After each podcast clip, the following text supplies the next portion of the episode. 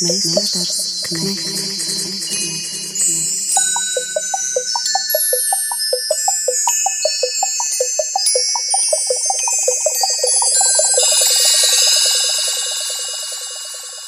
Meistars Knechts. Esiet sveicināti ikmēneša raidījumā Mēnesis Knekts pie mikrofona Māra Rozenberga un Orests Silabriedis, un šodien mūsu sarunas tēmu iedvesmojas kaislīgā diskusija, kas visu decembru virmo pigauņu mākslinieka Sandera Raudsepa izstādi Daugavpils Marka Rotko mākslas centrā.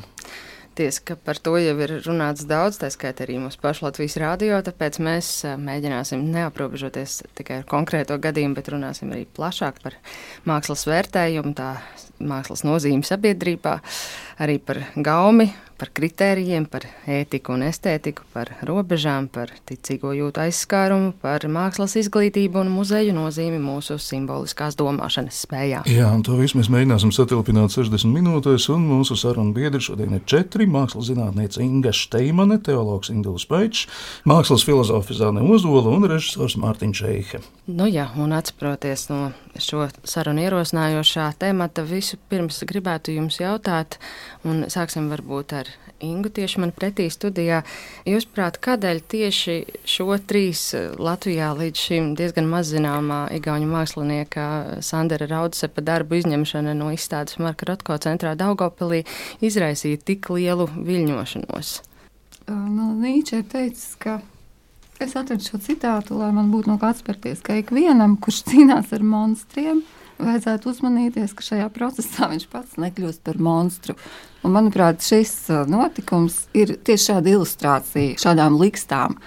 Kāpēc izraisīja tik skaļu viļņošanos? Es domāju, ka viļņošanās tika izraisīta noteiktā struktūrā ar tādām varas iezīmēm. Jo patiesībā sabiedrībā tas nemaz neizraisīja tik lielu viļņošanos kā parasti. Tāpat kā mūrālis un, un citi tāda veida darbi. Bet šeit viļņošanās tika izraisīta tātad noteiktā struktūrā, kurai bija noteikti instrumenti, ar ko ietekmēt Daugavpils domi, kuri savukārt varēja vērsties pie savā pakļautībā esošās mākslas institūcijas. Es domāju, ka tas ir tik schematiski un tik vienkārši. Es šeit nemeklēju neko citu, jo man vispār liekas, ka šādi konflikti, kur kārtas sāk, teiksim, tā naturāli skaidr, sāk skaidrot mākslas darbus, tas patiesībā nemaz vairs nav tik plaši sastopams. Jūs runājat par šo četru konfesiju, kristīgo konfesiju Jā. vēstuli, kas tika Jā. nosūtīta novembra vidū Daugopils domē. Jā, bet es pat nedomāju, ka tur bija tik. Nu, tās ir manas brīvas pārdomas. Protams, es saprotu, ka, ja, ka ir ticīgo pasaule un viņiem ir savas domas par pasaules kārtību, bet šajā gadījumā es domāju, ka ir vērts atcerēties to, kā, manuprāt, izskatās e, mūsdienu pasaule. Un tā ir liela sabiedriska telpa, kurā eksistē ticīgo pasaule, kurā eksistē mākslas pasaule, kurā eksistē zinātnes pasaule, vēl politikas pasaule vēl kaut kādas citas pasaules. Un tā visām ir vieta. Un tāpēc man ir absolūti nepieņemami, ka šo mākslas pasauli cenšas tā piesavināties, nu, ka tas ir tikai kaut kāds tāds veids, kuram būtu jāilustrē visas pārējās pasaules. Ne, mākslas pasaule ir pilnīgi neatkarīga un tā ir sava telpa. Un būtībā arī es domāju, šī konflikta otra puse ir tāda, ka tiek pārspīlēta šīs mākslas pasaules ietekme. Gluži tāpat kā kāds varētu pārspīlēt ticības ietekmi jā, vai politikas ietekmi uz kaut kādu cilvēku dzīvi. Un, manuprāt, šajā gadījumā tas tika nu, tā apzināti politiski pārspīlēts, lai izrādītu kaut kādu nepatiku un varu nu, teiksim, pret, pret mākslas institūciju, kas patiesībā iemieso tādu vienmēr zināmu brīvdomību. Zani, jūs esat mākslas Jā. filozofi, un jūs šovasar portālā Telos rakstījāt tādu esēju ar nosaukumu Bez nosaukuma 2022. Un uh, es atļaušos citēt vienu nelielu rindkopu uh, jūsu uh, rakstītajā par mūsdienās bieži apskatāmo mākslu, ka skatītāji nereti tiek aicināti iesaistīties performatīvos vizuālās komunikācijas eksperimentos, reflektēt par marginālām, nērtām tēmām un traumatiskām pieredzēm.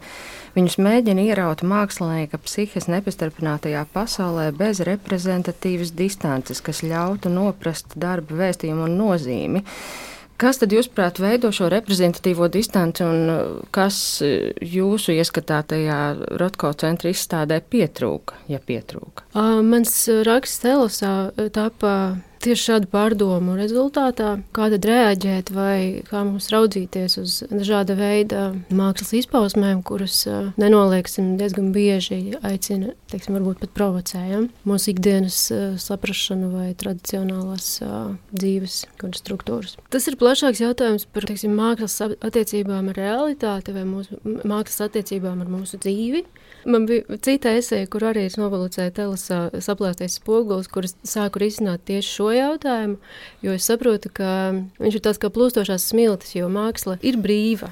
Mākslā vajadzētu būt brīvai, un šī brīvā izpausme ir cilvēka un mākslinieka nu, dzīves pamatnosacījums. Bet um, estētika savukārt, un arī mākslas filozofija, mēģina risināt šīs attiecības, kuras ir attiecas ne tikai uz mākslas izpausmi, bet arī uz to, kā mēs redzam, kā mēs uztveram kultūru. Un, un, Tur mēs vienā brīdī varam atrapties tādā greizos poguļu karaļvalstī, kur mēs varbūt uh, grūti ir atrast uh, atbalsta punktus vai, vai atskaites punktus. Tomēr šiem atskaites punktiem, manuprāt, ir jābūt tieši tāpēc, ka mēs runājam par cilvēku pasauli un cilvēku kultūru. Un šī reprezentatīvā distance varbūt, nu, tas, tas tā nosauc, jo nu, tradicionālās mākslas reprezentatīvās formas, izpausmes formas, kas ir nu, elementāri glezniecība, rāmis, kompozīcija, literatūrā, operā, narratīvs. Šīs formas, kuras ir uh, kaut kādā veidā ģenētiski radušās uh, rietumu, ne tikai rietumu, bet nu, civilizācijas attīstības procesā,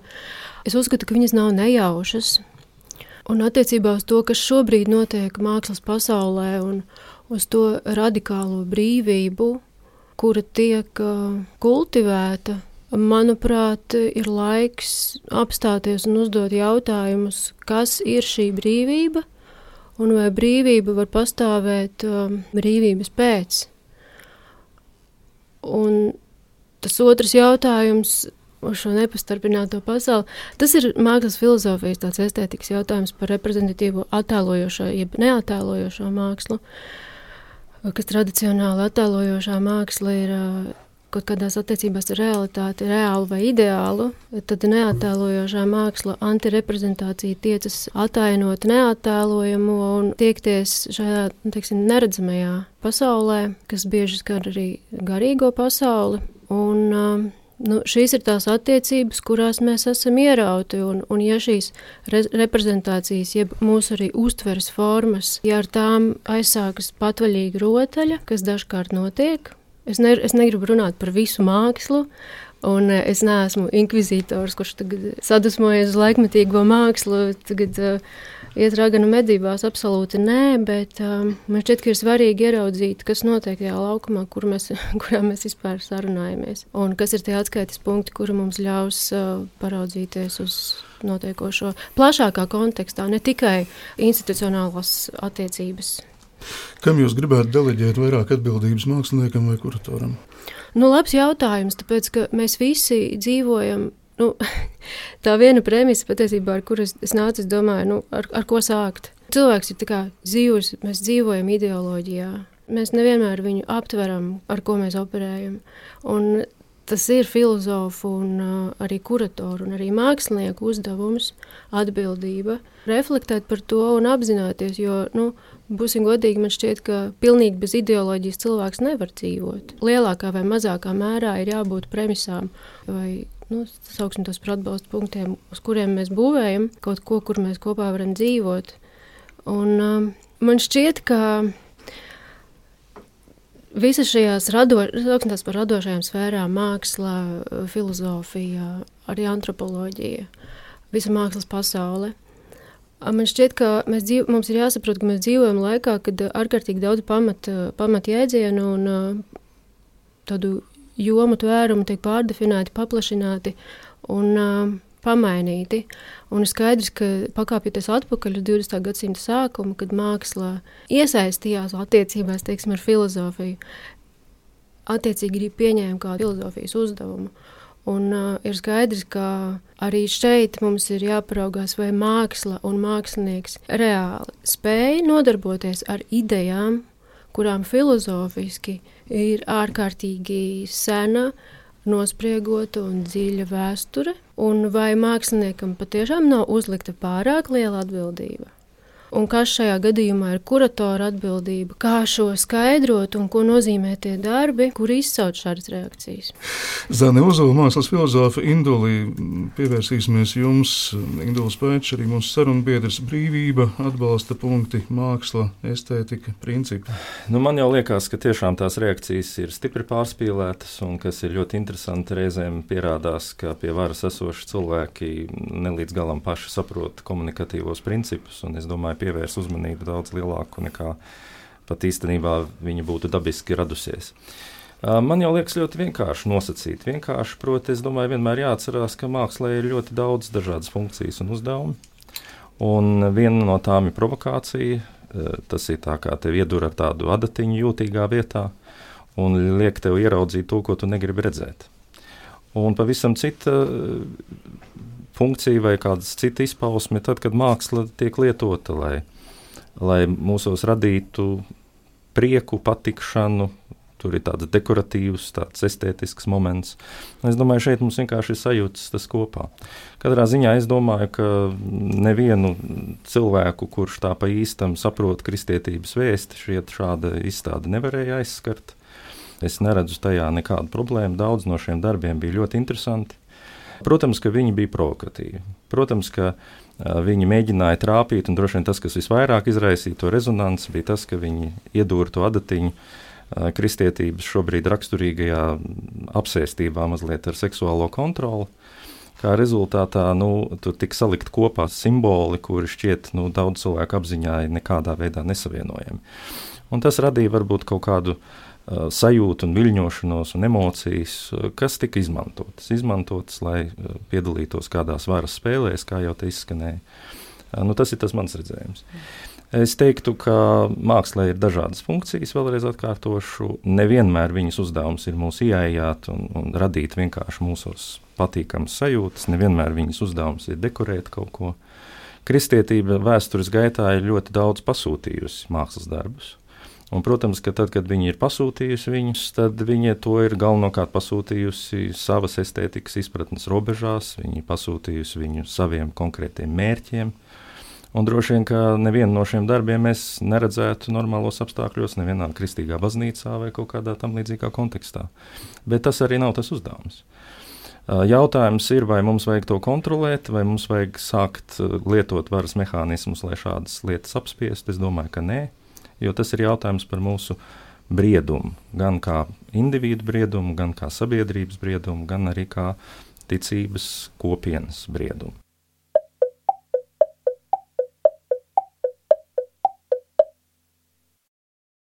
Varbūt mēs uzreiz varam pievērsties arī tai vārdkopai, ko šad un tad izmantojam. Bieži vien varbūt pat ne tie, kas paši ir šādi sajūtu nesētāji, bet kuriem patīk provocēt, es domāju par sociālo tīklu sašutumu un, un tam līdzīgām vidēm.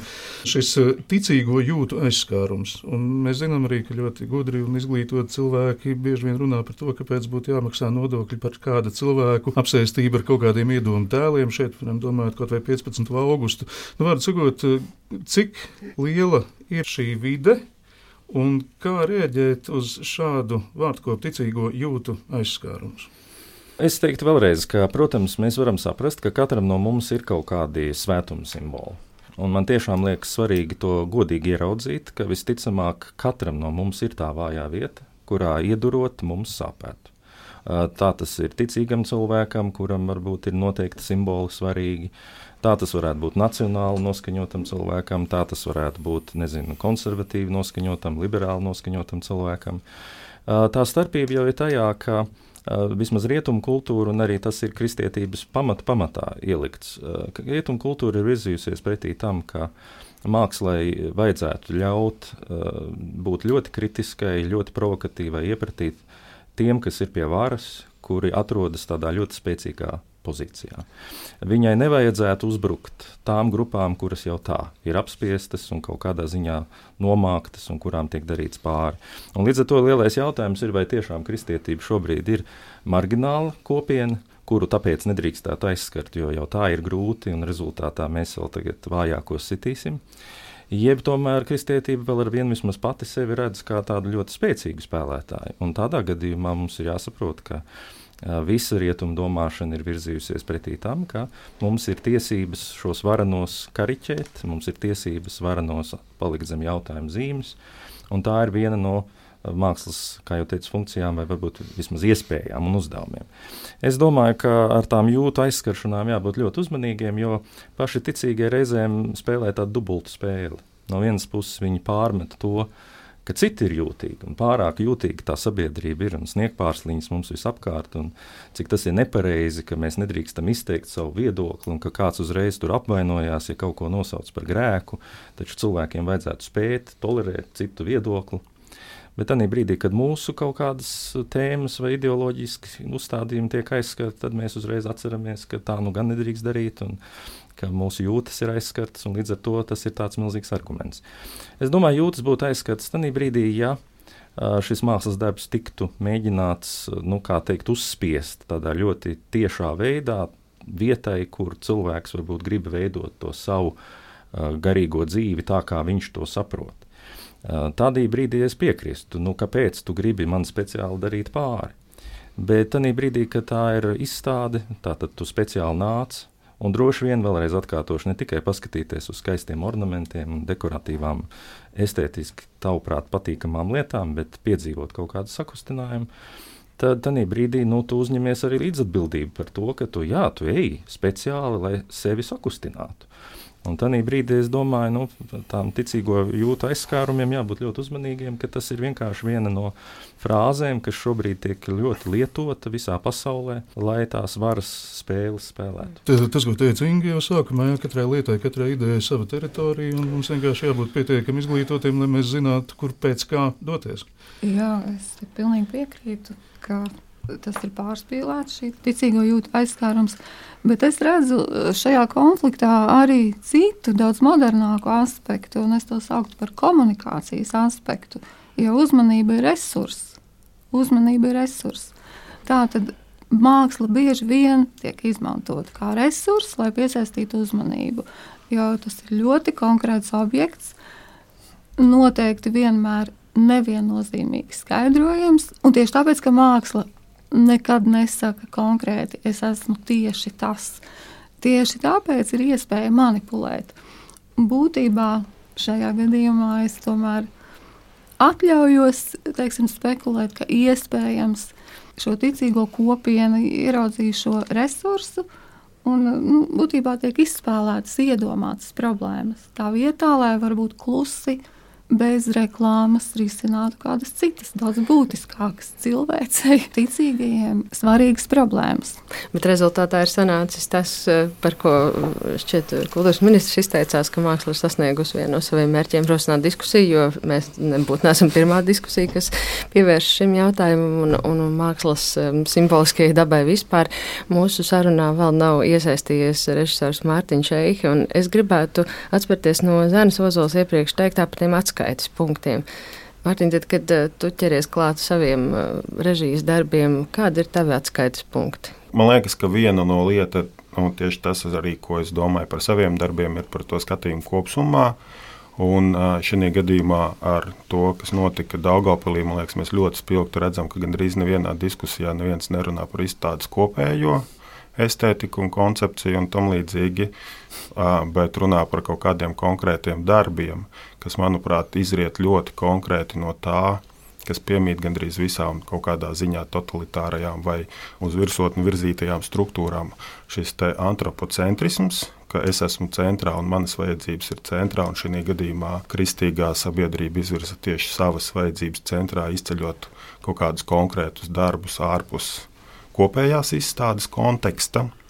Un šī nav pirmā reize, kad tas tādā veidā notiek. Mēs zinām, gan ar morāli, gan arī daudzus gadus iepriekš jaunajā Rīgas teātrī noņēma izrādi Salome. Alvs Hermans to izdarīja pēc arī kristīgās konfesiju četru uzrakstītās vēstules, kuri pat nebija redzējuši izrādi, bet uh, bija dzirdējuši, ka Jānis Kristītājs skraida apkārt ar atkailinātu dzimumu locekli. Priekš manis šī kristīgā kolonizācija, kas ir sākusies 1000. 200. gadā viņi turpinās vēl joprojām. Tādā veidā, ka mums šīs vērtības tiek nepārtraukti uzspiestas ne tikai mākslā, bet, piemēram, viens no spilgtākajiem piemēriem bija diskusija par eitanāziju, kur tika uzaicināti atkal četru konfesiju pārstāvi un viens medicīnas pārstāvis. Un saima izlēma, vai saimnes komisija izlēma nevirzīt tālāk šādus jautājumus. Tad pastāv šis jautājums par to, kādā veidā mūsu valstī tiek ievērots šis dalījums starp to, ka valsts ir nodalīta no baznīcas un ka mēs eksistējam paralēli, mēģinot uh, katrs nu, kaut kādā veidā neaizskart vienu otru, bet uh, ļoti bieži šī iejaukšanās notiek. Kristīgo baznīcu mēs arī varam dalīt, man liekas, ļoti dažādos strāvējumos. Konservatīvā, mazāk konservatīvā, teiksim, mūsu protestantu baznīca vai luterāņu baznīca, manuprāt, ir daudz konservatīvāka nekā pat katoļu baznīca. Ja mēs salīdzinām ar rietumu protestantu baznīcu, tad viņi vispār atrodas kaut kādā totālā galējā punktā. Un viena no lietām, kas, manuprāt, notiek konservatīvajā diskursā, ir viņi nepārtraukti slēpjas aiz citātiem. Nekad gandrīz nevar dzirdēt viņu viedokli. Ja mēs arī telosā lasām šo rakstu, viņš sastāv tikai pārsvarā no citātiem, un tur nav paša rakstītāja viedoklis, kas man apgrūtina sarunu.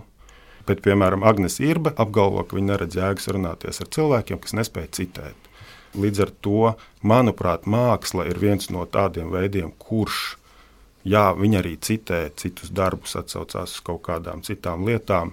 Krusta piesišana, krāniņa piesišana pie krusta. Krusts nav tikai kristietības simbols. Arī pagāniskajā kultūrā ir sastopams šāds te, uh, simbols, kurā pat iespējams šādas lietas var atrast jau kaut kur vēsturiski. Uh, līdz ar to arī šī kaut kāda lietu uh, izņemšana no konteksta un tikai aktualizēšana par manu sāpi arī ir ļoti raksturīga šai konservatīvajai publikai. Jā. Man tomēr ir viena maza piebilde. Nu, godīguma pēc, protams, ir jāatzīst, skatoties arī uz tiem citiem darbiem, šīs tāda neapšaubām bija par kristīgām tēmām. Tādā ziņā tas trieciens nebija tāds abstrakts krustam, kā vispār universālam simbolam. Tas bija tiešām stāsts par to, ka mākslinieks apzināti arī mēģināja kritizēt šo pārspīlēto centienu nonākt mūžīgajā dzīvībā, nonākt tajā pareizajā pasaulē, kas beidzās ar to, ka es to savu viedokli uzspiežu arī citiem. Tā kā es tikai gribētu tā piebilst, ka reizē mums ir jāredz, ka tā provokācija bija tiešām mērķēta diezgan precīzi. Vismaz daudzos no šiem darbiem tas bija vērsts pret kaut kādu uh, ticības, varbūt izpratni vai uzkundzēšanos. Nu, tas precīzi nostrādāja. Man ir vēl vārdu. viena piebilde par to, ka šī gadījumā to, ko arī neviens nemin, izstādes apmeklētājiem bija brīdinājums, kurā brīdināja, ka šī izstāde ir var aizskart kristīgos cilvēkus. Šāds brīdinājums bija, kāpēc šie cilvēki tad izvēlēsies iekšā un pēc tam raksta, ka mūs aizskāra, ja tu pat esi iepriekš brīdināts, kas kaut kādā ziņā patiesībā arī ir sava veida cenzūra. Kā tā, nu mēs te turpinām tomēr vēl par to Daugopilu rotēt, bet es gribēju dot vārdu atbildēji Zanai, tātad, ka Mārtiņš izteicās par, par jūsu rakstu telos un, un um, Šķiet, ka citēšana gan ir nu, jums kā akadēmiķei un doktorantai ir droši vien ir neizbēgama jūsu akadēmiskās rakstīšanas sastāvdaļa, bet eh, ko jūs domājat par šo iepriekš dzirdēto? Es gribēju pajautāt vienu jautājumu attiecībā uz vienu jēdzienu, ko jūs lietojāt. Antropocentrisms. Kādu alternatīvu jūs uh, dodat šim principam? Kādas ir jums pretenzijas pret antropocentrismu, kas tiek kā rietumu tradīcijā? Nu, mēs antropocentrismu redzam visur mūsu attieksmē pret dabu, to kādā veidā mēs šobrīd, piemēram, patērējam Latvijas valsts mežus. Centrā ir mūsu vēlēšanās viņus tikai apsaimniekot un tikai iegūt no viņu materiālo labumu. Bet kāds tam ir sakars ar šo sarunu? Tā ir kristīgā kultūras telpa, kurā mēs dzīvojam, kas ir balstīta šajā antropocentrismā, kur cilvēks ir centrā, cilvēks ir augstākais radījums, kaut gan vienlaicīgi mūsu spēja salīdzinot kaut ko ar citiem dzīvniekiem. Ir stipri ierobežotāks, mēs nedzirdam ultraskaņu, neredzam vēl kaut ko. Mēs iedomājamies, ka mēs esam pasaules centrs un ka šī visa pasaule ir uzbūvēta tikai un vienīgi, lai rotētu ap mums. Es, nu, es piemēram, domāju, ka ja mēs salīdzinām, piemēram, vēl joprojām eksistējušās ciltis, kur antropoloģijā var papētīt, kā viņas dzīvo mītiskajā domāšanā. Es domāju, ka viņas ir daudz laimīgākas nekā mēs šajā sabiedrībā, kur mēs visu laiku plēšamies. Respektīvi, tava alternatīva ir mītiskās domāšanas atgūšana? Es nezinu, vai tas ir iespējams. Es domāju, ka mana alternatīva ir šī mūsu centrā būšanas mazināšana, spēja saprast, ka mēs neesam pasaules centrs, spēja saprast, ka mēs līdzdarbojamies, ka mēs miedarbojamies ir ļoti grūti saprast, kādā veidā kristīgā baznīca piedāvā iedarboties kaut vai piemēram tajā pašā seksualitātē. Tas, ko viņi dara, viņus laiku izmanto esošos visus iespējamos ieročus, lai kaut kādā veidā viņu ierobežotu. Manuprāt, ļoti labi jautājumi izgaismojās, un tie ir ļoti plaši jautājumi. Mēs redzam, ka mēs izējām no mākslas lauciņa daudz plašākā jau. Bet par to jau, jau bija runa, par cilvēku jā, domāšanas jā. organizāciju. Nu, lūk, un, un šeit parādās arī tā saucamā liberāla un konservatīva spēka sadursme, lai gan, godīgi sakot, man šķiet, ka problēma ir daudz plašāka un dziļāka, kad šis nošķīrums, kurš ir aktualizējies pēdējos pāris gadus, Un, um, tad jautājums būtu, jā, mītiski, jā. jā, tas ir ļoti labs jautājums, jo tas ir arī mans pēdējā laika pārdomu moments. Ir skaidrs, ka laikmetīgā māksla un laikmetīgā kultūra uzdod jautājumus, kuri nu, viņas nevar ignorēt. Es uzskatu, ka kultūrā kaut kādā ziņā mēs varam uzskatīt, ka nu, kļūdu nav. Nekas nerodās tāpat vien, vai ne? Tās nav nejaušības. Mums ir jābūt pietiekami vērīgiem un, un, un gudriem, lai to ieraudzītu. Attiecībā uz ticīgo jūtu aizskārumu gan es gribētu teikt, ka šāda māksla un šādi darbi, pat ja tā ir provokācija, tad es domāju, ka tā vairs nevar izprovocēt. Tas nav vispār nekas jauns. Tas nav jauns nekas ne tradīcijā, ne vēsturē. Bet, Bet kāpēc tas tik ļoti satrauc un ir jāņem ārā no izstādes? Tāpēc es, es nezinu. Nu, tas droši vien ir tas, ar ko mēs sākām šo sarunu, ka to ir vienkārši ērti izmantot kā mehānismu, Jā, kaut domāju, kādu ka, savu. Nu, provokācija ir, ir mākslinieka maize kaut kādā ziņā. Nu, mākslas pasaule ir, iela, ir iejūgusies kaut kādā mērā tajās kapitalistiskajās attiecībās. Nu, varas. Tas ir viens, bet otrs ir tas, ka māksliniekam ir dota brīvība, vai pat uzdota šī brīvība, jautāt to, kas ir ārpus. Un, un šī, šai, šajā uzstādījumā parādās šie nērtie jautājumi un provokācijas. Attiecībā uz uh, antropocentrisma kritiku, kas arī ir viena no mākslas aktīvām tēmām, nu, jā, viņa neizbēgami aktualizē šo kristietības un pagānisko kultūru attiecības. Un tas ir ļoti delikāts jautājums mūsu laikos. Bet vai drīkst jautāt, tu Oris jautāji, vai antropocentrisma vietā atgriezīsimies pie mītiskās pasaules izjūtas, bet es nedomāju, ka mītiskā pasaules izjūta nav antropocentriska tā ir ļoti antropocentriska. Un, manuprāt, tas, kas varbūt uh, virzās prom no antropocentrisma, ir tieši šīs 20. gadsimta avangarda fluksus, visu virzienu rezultātā radušās kultūras, jeb sākumā subkultūras, un, piemēram, kaut kāda dzīļu ekoloģija. Ja, kas ir pazīstama kopš 70. gadiem. Jā. Šobrīd jaunie mākslinieki ar to ir ārkārtīgi aizrāvušies. Jā. Un, uh, ir ļoti teiksim, radikāli, varbūt pat komiski darbi, kas liek absolūti vienā tādā salīdzinājumā kukaiņus, cilvēkus, kokus, akmeņus, dubļus, ūdeni.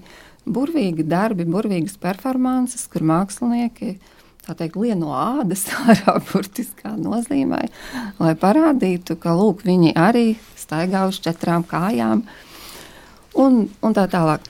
Un, uh, es domāju, kā jau Zana teica, tas ir mākslas uzdevums. Nu, kaut kāda darba dalīšana tajā laikmatīgajā pasaulē, sabiedrībā ir. Katram ir kaut kāds uzdevums, un tas ir mākslinieka uzdevums eh, domāt, bet nevis provocēt.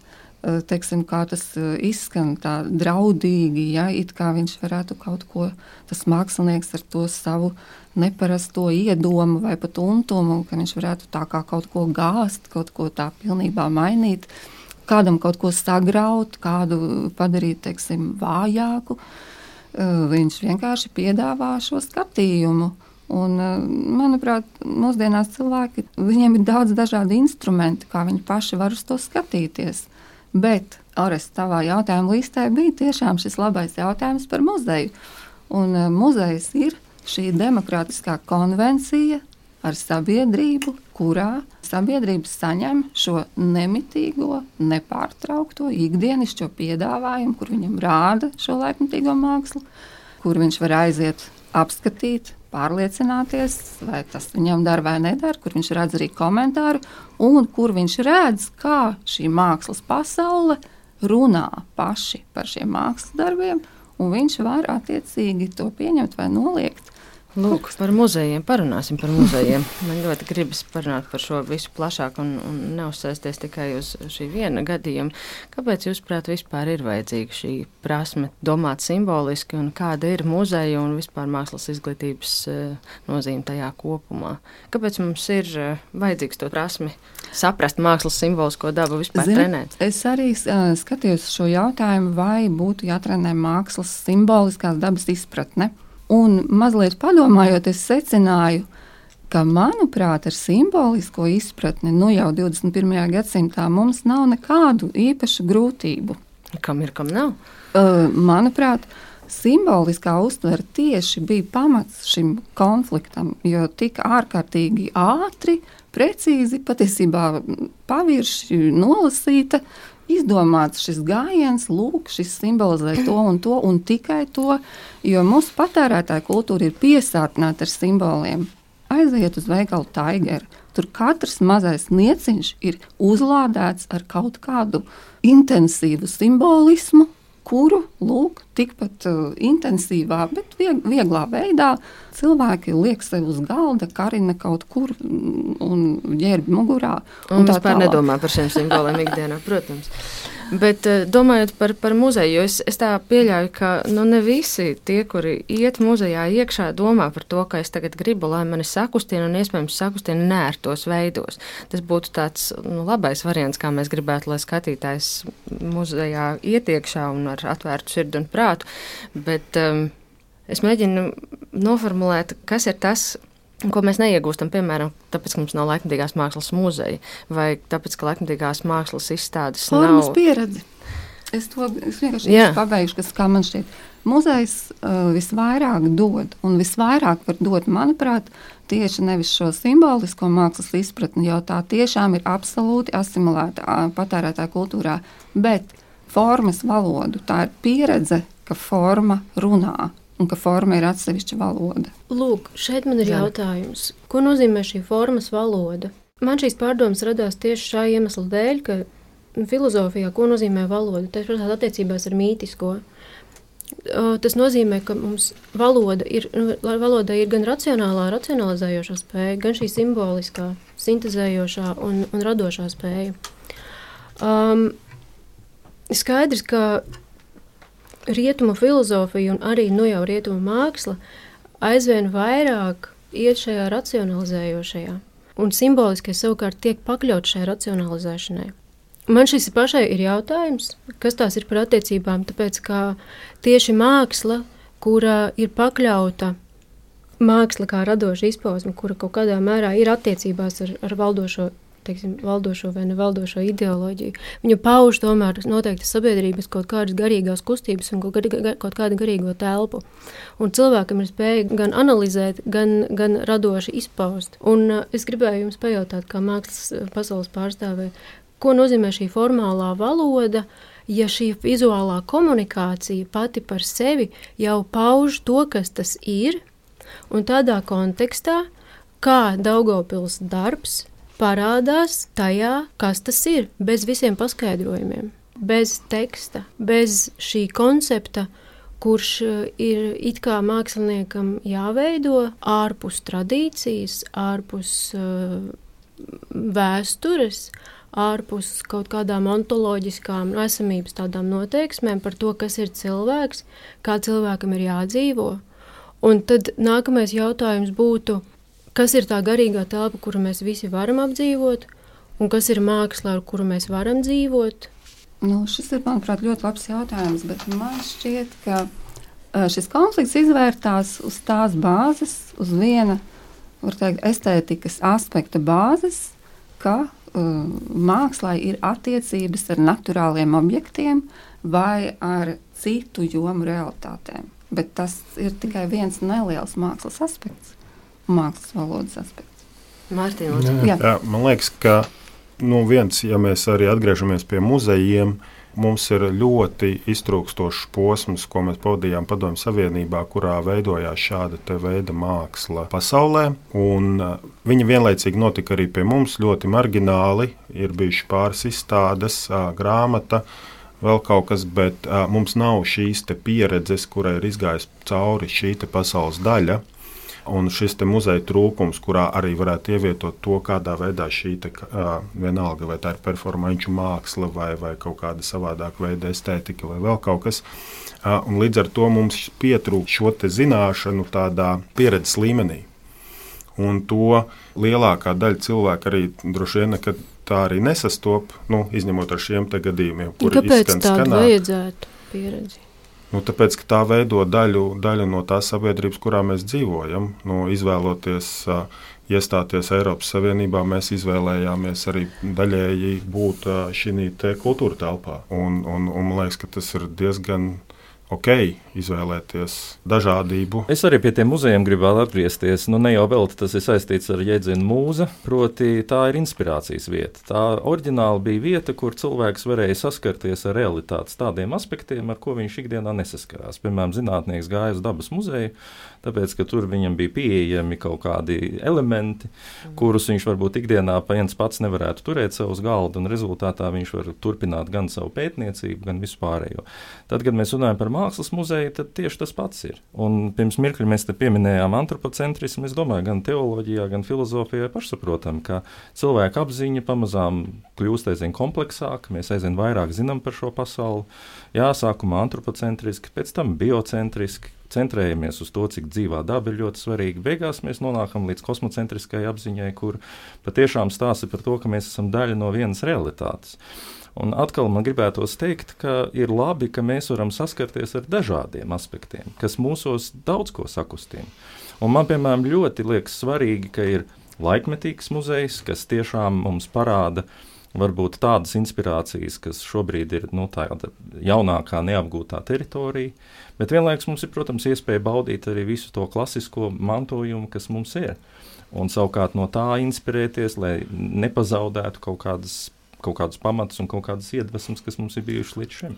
Jā, bet tādā gadījumā var tomēr piekrist Mārtiņam, ka izglītībā ir zināmi robi, kas mums vienkārši neļauj īsti sekot līdzi tam, kas notiek un saprast šīs. Es absolūti lietas. pievienojos, absolūti pievienojos, tāpēc, ka cilvēks jau ir spējīgs uztvert tikai to, ko viņa psihe ir spējīga apstrādāt. Un līdz ar to, ja viņam galīgi nav instrumentu, viņš visticamāk paliks pie arī ļoti neskaidra efekta, ko tas viņā ir sakustinājis vai izdarījis. Tā kā es domāju, jo vairāk mēs zinām, jo vairāk mēs spējam nolasīt. Un tas ir kā savā laikā, piemēram, cilvēks milzīgs izrāviens bija, ka mēs iemācījāmies lietot alfabētu. Un cilvēks, kurš nemāķi lasīt, viņam uz baltas lapas ir kaut kāda absolūti nesaprotama melna ķebura. Kā tas vispār var kaut ko nozīmēt? Mēs šobrīd mākam lasīt. Cits stāsts, ka mēs esam aizmirsuši tos simboliskos alfabētus, mēs esam aizmirsuši veselu virkni citus. Mm veidus, vai varbūt mēs neesam atklājuši nekad.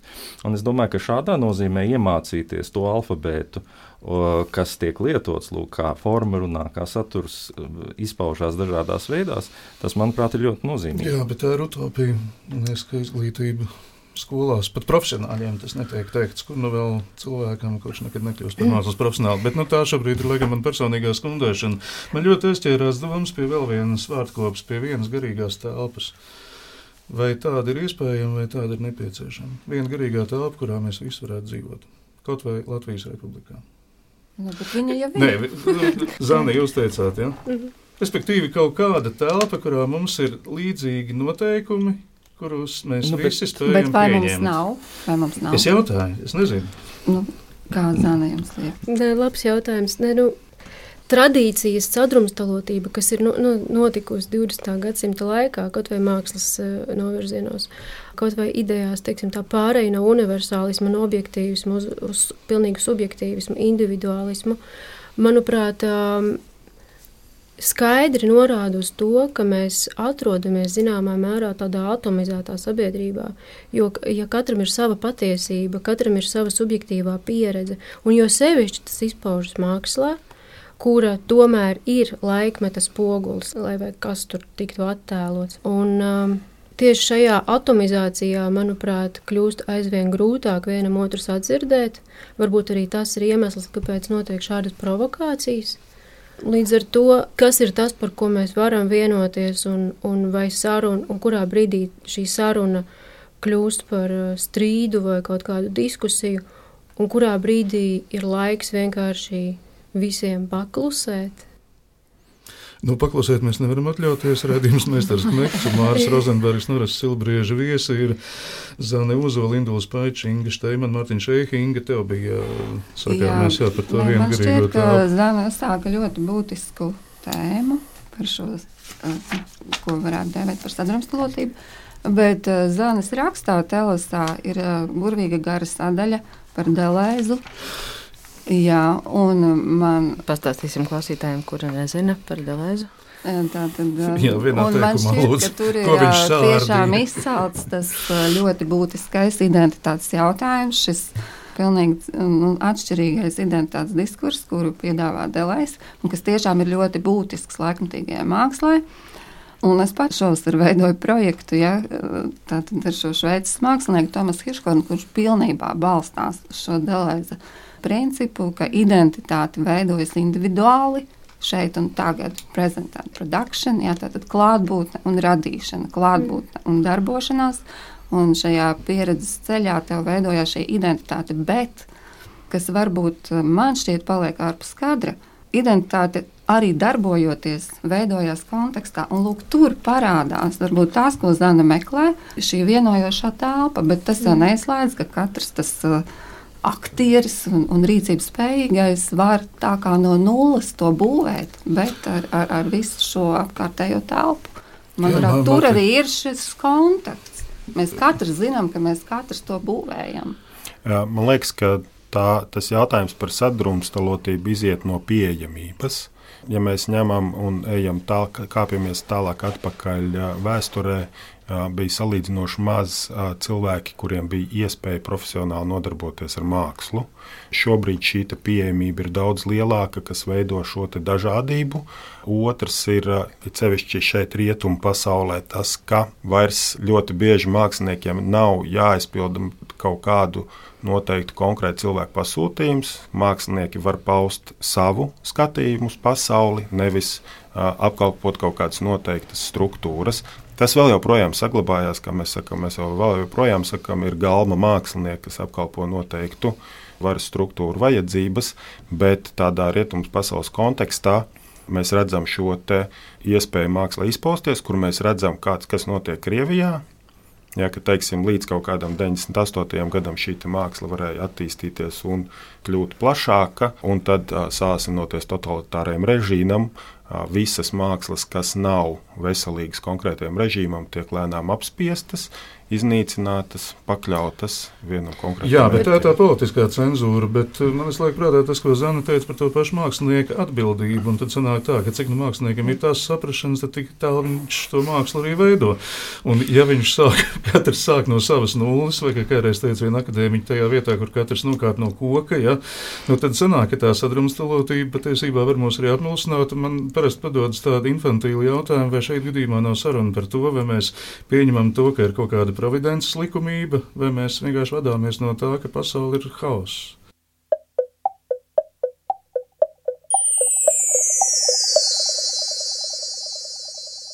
Nu, bet nenokāp no koka jau 21. gadsimtā. Nu, daži man liekas, tur vēl dzīvo. Man nu, šķiet, ka 21. gadsimts tiek uh, stipri pārvērtēts. Un uh, attiecībā uz to, ko mēs visi veidojam, par to, ka mūsu identitāte nu, nav viņa noteikta te un tagad, tas neapšaubām. Viņa veidojas mūsu attiecībās ar citiem cilvēkiem un ar savām pieredzēm. Bet attiecībā uz Delēza filozofiju, es ar viņu pavadīju pāris gadus, uh, Beļģijā studēju, un es biju stipri aizrausies ar franču filozofiju. Un es, te, es, tā, es izraku to principu, uz ko tas viss balstās, tieši specifiski Delēza filozofija. Un tas ir tā mazā premisa, ka attiecības ir ārējas saviem jēdzieniem, kas nozīmē to, ka tikai šīs ārējās attiecības nosaka to, kas mēs esam. Nu, vienkāršoti. Ko nozīmē ārē, attiecības ar ārējiem saviem iedzieniem? Mēs it kā topam šeit un tagad, šeit un tagad, šeit un tagad. Un šis ir moments, kas, manuprāt, ir ārkārtīgi svarīgs gan franču filozofijā, kura meklē dzīvību. Manuprāt, viņa meklē to, tiksim, brīnumu, tapšanu, aktivitāti, piedalīšanos, tiksim, tā, ideju iedzīvināšanu praksē. Jā, tas viss tur ir. Tomēr šis fokus uz šeit un tagad, manuprāt, ir ārkārtīgi bīstams tieši tā iemesla dēļ, ka viņš izmaina pilnīgi attiecības ar laiku cilvēkam. Tikai šeit un tagad, nu, teiksim, radikalizējot to radikālā gadījumā, ja šeit un tagad mums atmiņa dzēšas vispār. Un kas ir tā cena, ko mēs maksājam par globālo eh, pieminiektu gāšanu? Nu, tā zināmā mērā ir atbilde uz manu bērnu jautājumu, bet tā īsti līdz galam tomēr nē. Nu, uh. Hauss vai providence? nu, viss, par ko mēs runājam šobrīd. Nu, es tā kā tā pilnīgi subjektīvi, es tomēr esmu tā hausa pusē, jo es nedomāju, ka hausam ir ļauni nodomi. Tā es varētu teikt. Bet vai kaut kādas robežas, jūsuprāt, vispār nu, dabiskas, vai kā nu mēs katrs viņas definējam, ir mākslā vajadzīgas? Un, ja jā, tad kas viņas nosaka? Vai mākslinieks tikai katrs pats sev, vai kuratori kā mākslas stāstu veidotāji, vai kā sinduli? Kā jūs domājat? Jā, nu man liekas, ka Eiropa diezgan cītīgi veido šo kopīgo telpu. Ir patiesībā divas iespējas. Viena iespēja, ka mēs mēģinām atrast vienu ideoloģiju, ļoti konkrētu ideoloģiju, tātad ar maksimāli daudz pozitīviem apgalvojumiem un mēģinām piespiest visus domāt tādā veidā. Otrs, uh, otrs veids ir, ka mēs mēģinām atrast kaut kādu pamatu, kas ļauj šīm dažādajām pozīcijām līdzās pastāvēt. Un es domāju, ka viena no tādām uh, Eh, īpatnībām un īpašībām, kas Eiropai ir raksturīgi, ir tas, ka mēs cenšamies tolerēt un paciest un izrādīt cieņu tieši tam, ka katrs mēs dzīvojam savu unikālo dzīvi. Līdz ar to mums ir tiesības sevi konstruēt tā, kā mēs to gribam. Un ir tikai viena robeža. Proti, tajā brīdī, kad tā mana konstrukcija sāk ļoti sadurties ar cita cilvēka dzīvi, ja es viņam sāku uzspiest to savu redzējumu. Un es domāju, šeit ir tas stāsts, ka, manuprāt, māksliniekam ir absolūta brīvība, jo viņš ir ne tikai mākslinieks, viņš ir arī cilvēks. Vienlaikus tas nozīmē gan arī to, ka, protams, tā konteksta izjūta būtu attīstāma. Proti, nu, tādā ziņā, ka mēs jau varam provocēt provokācijas dēļ, mēs varam provocēt ar mērķi ievainot un nodarīt pāri. Uh, Un reizēm to ir tiešām grūti atšķirt. Tāpēc visiem kopā ir jādomā par to. Bet es domāju par to provokāciju, provokācijas pēc, un uh, ar, arī par to, ko mēs iepriekš runājām par integrēšanos rietumu kultūrā. Nu, ir mums atkal tādi gadījumi. Mūsdienās, kad, nu, piemēram, pirms pāris gadiem tika šķiet, tas bija Manchesteras uh, pilsētas mākslas galerijā, no ekspozīcijas izņemts Džona Vaterhausa 1896. gada darbs Hīlas un Nimfas, jo kāds bija ieraudzījis un sapratis, cik nepiedienīgi tas ir, ka Nimfas izskatās ļoti, ļoti jaunā vecumā. Un uh, kuratori teica, ka viņai nu, gribētos par šo diskusiju, viņa galīgi negrib cenzēt, bet nu, tomēr viņas prāt tas nav, nav labi. Un vai, piemēram, Noimēja ar balets Otello, kas tika uh, atcelts Kopenhāgenā pavisam nesen, jo tur nepatika tā interpretācija, kas Noimēja piemēram, bija attiecībā uz melnādēniem. Nu, tās tomēr arī ir kaut kādas robežas, kuras savukārt tiek novilktas no otras puses. No... Nu, mēs atgriežamies pie tā, ka, kā jau teicu, katram ir savi svētumi. Mm -hmm. uh, un arī visliberālāk domājošam cilvēkam visticamāk ir kaut kādas lietas, par kurām viņš mēģinātu iestāties un kuras viņš mēģinātu aizstāvēt. Lūk, bērni, vājākie, kaut kādas apspiestās grupas. Ja tās tiek aizskartas, tad mēs jūtam, ka te mēs nedrīkstam palikt malā. Mm -hmm. Kristietība šajā gadījumā vienkārši pārstāv tādu bišķi aizējošo posmu, kur varbūt viņa, nu, kā lai pasaka, daudz cilvēku izpratnē, kā jau teicu, ir tāda faktiski, nu, nav tāda vāja, bet drīzāk tās varas nesēja. Un līdz ar to Tad, kad viņi saka, ka mūsu svētuma simboli tiek kaut kādā veidā aizskarti, tas rezonē tikai nelielā cilvēku grupā šobrīd. Es domāju, ka mēs nevaram izvairīties no tā, ka kaut kādiem spēles noteikumiem ir jābūt. Un es piedošanu, bet es varbūt būšu ļoti vecmodīgs, tātad piederēšu 20. gadsimta beigām. Un es tomēr uzskatīšu, ka šobrīd uh, ir valdošais Eiropas diskurss tajā, ka valsts uzdevums ir tikai un vienīgi radīt mums telpu, kurā mēs katrs kā indivīds esam spējīgi dzīvot maksimāli labi un maksimāli plaši. Un līdz ar to valstī nevajadzētu kontrolēt to, kam es ticu, kā es ticu, ko es uzskatu par skaistu, ko es uzskatu par neskaistu. Tam visam vajadzētu būt dabiskā veidā noregulēties, ka es skatos uz to, kas man patīk, un, un reizēm varbūt uz to, kas man nepatīk. Bet valstī būtu ļoti tiešām jāaizstāv tas, ka mēs nedaram sāpes tādā nozīmē, ka mēs neuzspiežam šo savu gaumi vai savu skatījumu citiem. Neuzspiežam, jā, tam var piekrist. Raidījums mums jau tūdaļ ir jābeidz, bet es tomēr vēl vienu aspektu vēlos izvirzīt, kas man visu laiku ir prātā par tām politnekorektajām teātris izrādēm, kuras īstenībā ir tik sajūsminošas un domāt liekošas. Mārtiņa šobrīd skatos uz tevi, un man ir prātā Elmārs Senkovs un Justīna ar nelabajiem pēc Dostojevska. Kur tad šeit ir kaut kas jānovelk vai nav? Īsnībā tas ir kaut kas tik ļoti spirdzinošs un tik ļoti nepieciešams. Un pret sabiedrības šo morālo liekulību ļoti dažādos aspektos vērsts. Ja, nu, es nezinu, varbūt tu pats nemaz tā nedomā. Es, no, es, kā skatītājs. Jā, es, es domāju, ka latviešu teātra telpa ir šausmīgi konservatīva. Arī to, ko mēs dēvējam par politiski nekorektu vai vēl kaut kādu, viņi ir šausmīgi konservatīvi citu valstu skatījumā. Un, un, un, un tā robeža. Es nezinu, manuprāt, ja mēs runājam par laikmetīgu teātri, Žeroms Bēls man liekas, teica, ka patiesībā tad, kad tu ej, tu vari dabūt arī sūdu. Tā ir daļa no laikmetīgās mākslas sadaļas, jo tajā mēģina, tajā mēģina saprast kaut ko, atrast kaut ko jaunu, un tas pieļauj arī tādu veidu neveiksmes, kuras patiesībā ir veiksmes, jo tu no viņām vari mācīties. Nu, ja tev nav neveiksmju, tu nevari attīstīties. Otrs, kas man liekas, ir, kur uh, viena no lietām, kas ienāk, ir arī teātrī, kur mēs vienmēr bļaujam par tradīciju, bet patiesībā tradīcija bieži vien ir aizsaks tam, lai varētu apspiest kaut kādus vājākus vai, vai, vai nu, savādāk orientētus cilvēkus. Jo nu, vēsturiski tradīcija tomēr ir kaut kādas vienas vai otras uh, uh, pamatēžu šī valstīšanās, kurā pārsvarā tiek izmantots tas, lai apspiestu, un tad uh, nu, teātris ik pa laikam jā, mēģina laust kaut kādu tradīciju, nezinu, tur spēlēt savādāk, darīties kaut kā savādāk, lai, lai to skatītāju izaicinātu. Uh, Un ļoti bieži šī te, nezinu, netradicionālā forma vai, vai, vai kaut kāda estētikas priekš kaut kāda, ja mēs ņemam pa kanoniem nošļukumi, ir saistīti ar saturu. Nu, vismaz manā gadījumā saturs ļoti bieži nosaka formu, kādā tu izvēlies konkrēto lietu nodot skatītājam. Tāpēc, ka nezinu, nu, teiksim, Taņas dzimšanas dienas gadījumā, kā tu izstāstīsi par to, ka mēs esam latvieši un krievi, jā, un nevaram vienoties par 9. māju vai vēl kaut kādām tādām lietām. Ja mums ir spilgts piemērs, kā ģimenes to risina mājās, ballītēs. Nu, mēs izvēlamies formu, kur visi sēž pie galda, dzer, ēd, ieskaitot skatītājus, dalās ar stāstiem. Bet kas eh, neapmierināja formā un saturā Rēzeknes doma, kas tev neļauj turpināt darbu pie izrādes par Benesāju teātri Joriks? Arī mēs varam runāt par mākslas cenzūru. Jā, droši vien, ka tas būtu bijis skaļāk, ja es nebūtu tajā brīdī startējis uz Leļa teātra direktoru vietu. Jo droši vien, ka es viņu nebūtu dabūjis, ja tajā brīdī būtu spilgts skandāls, priekš kam vajag skandālistu.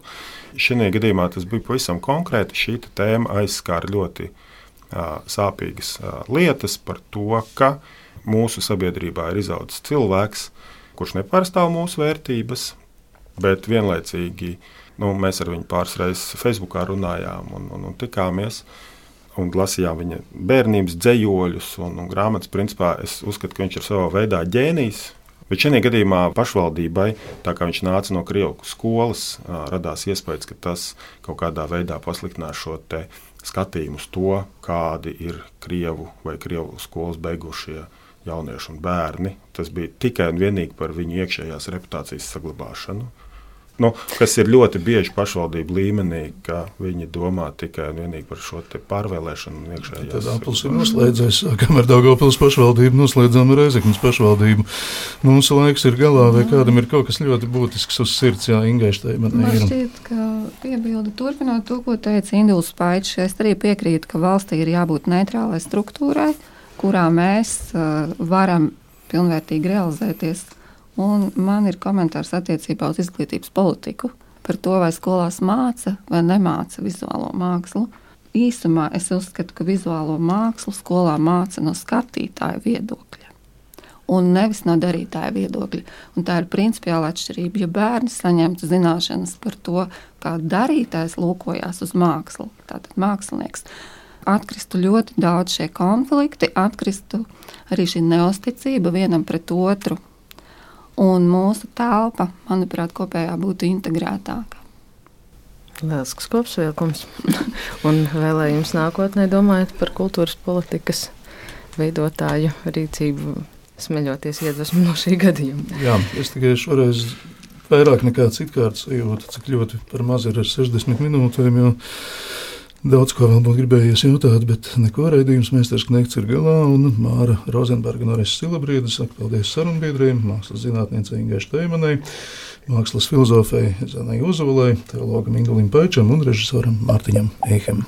Tiksimies atkal citu gadu. Uz tikšanos! Meistars Knekts.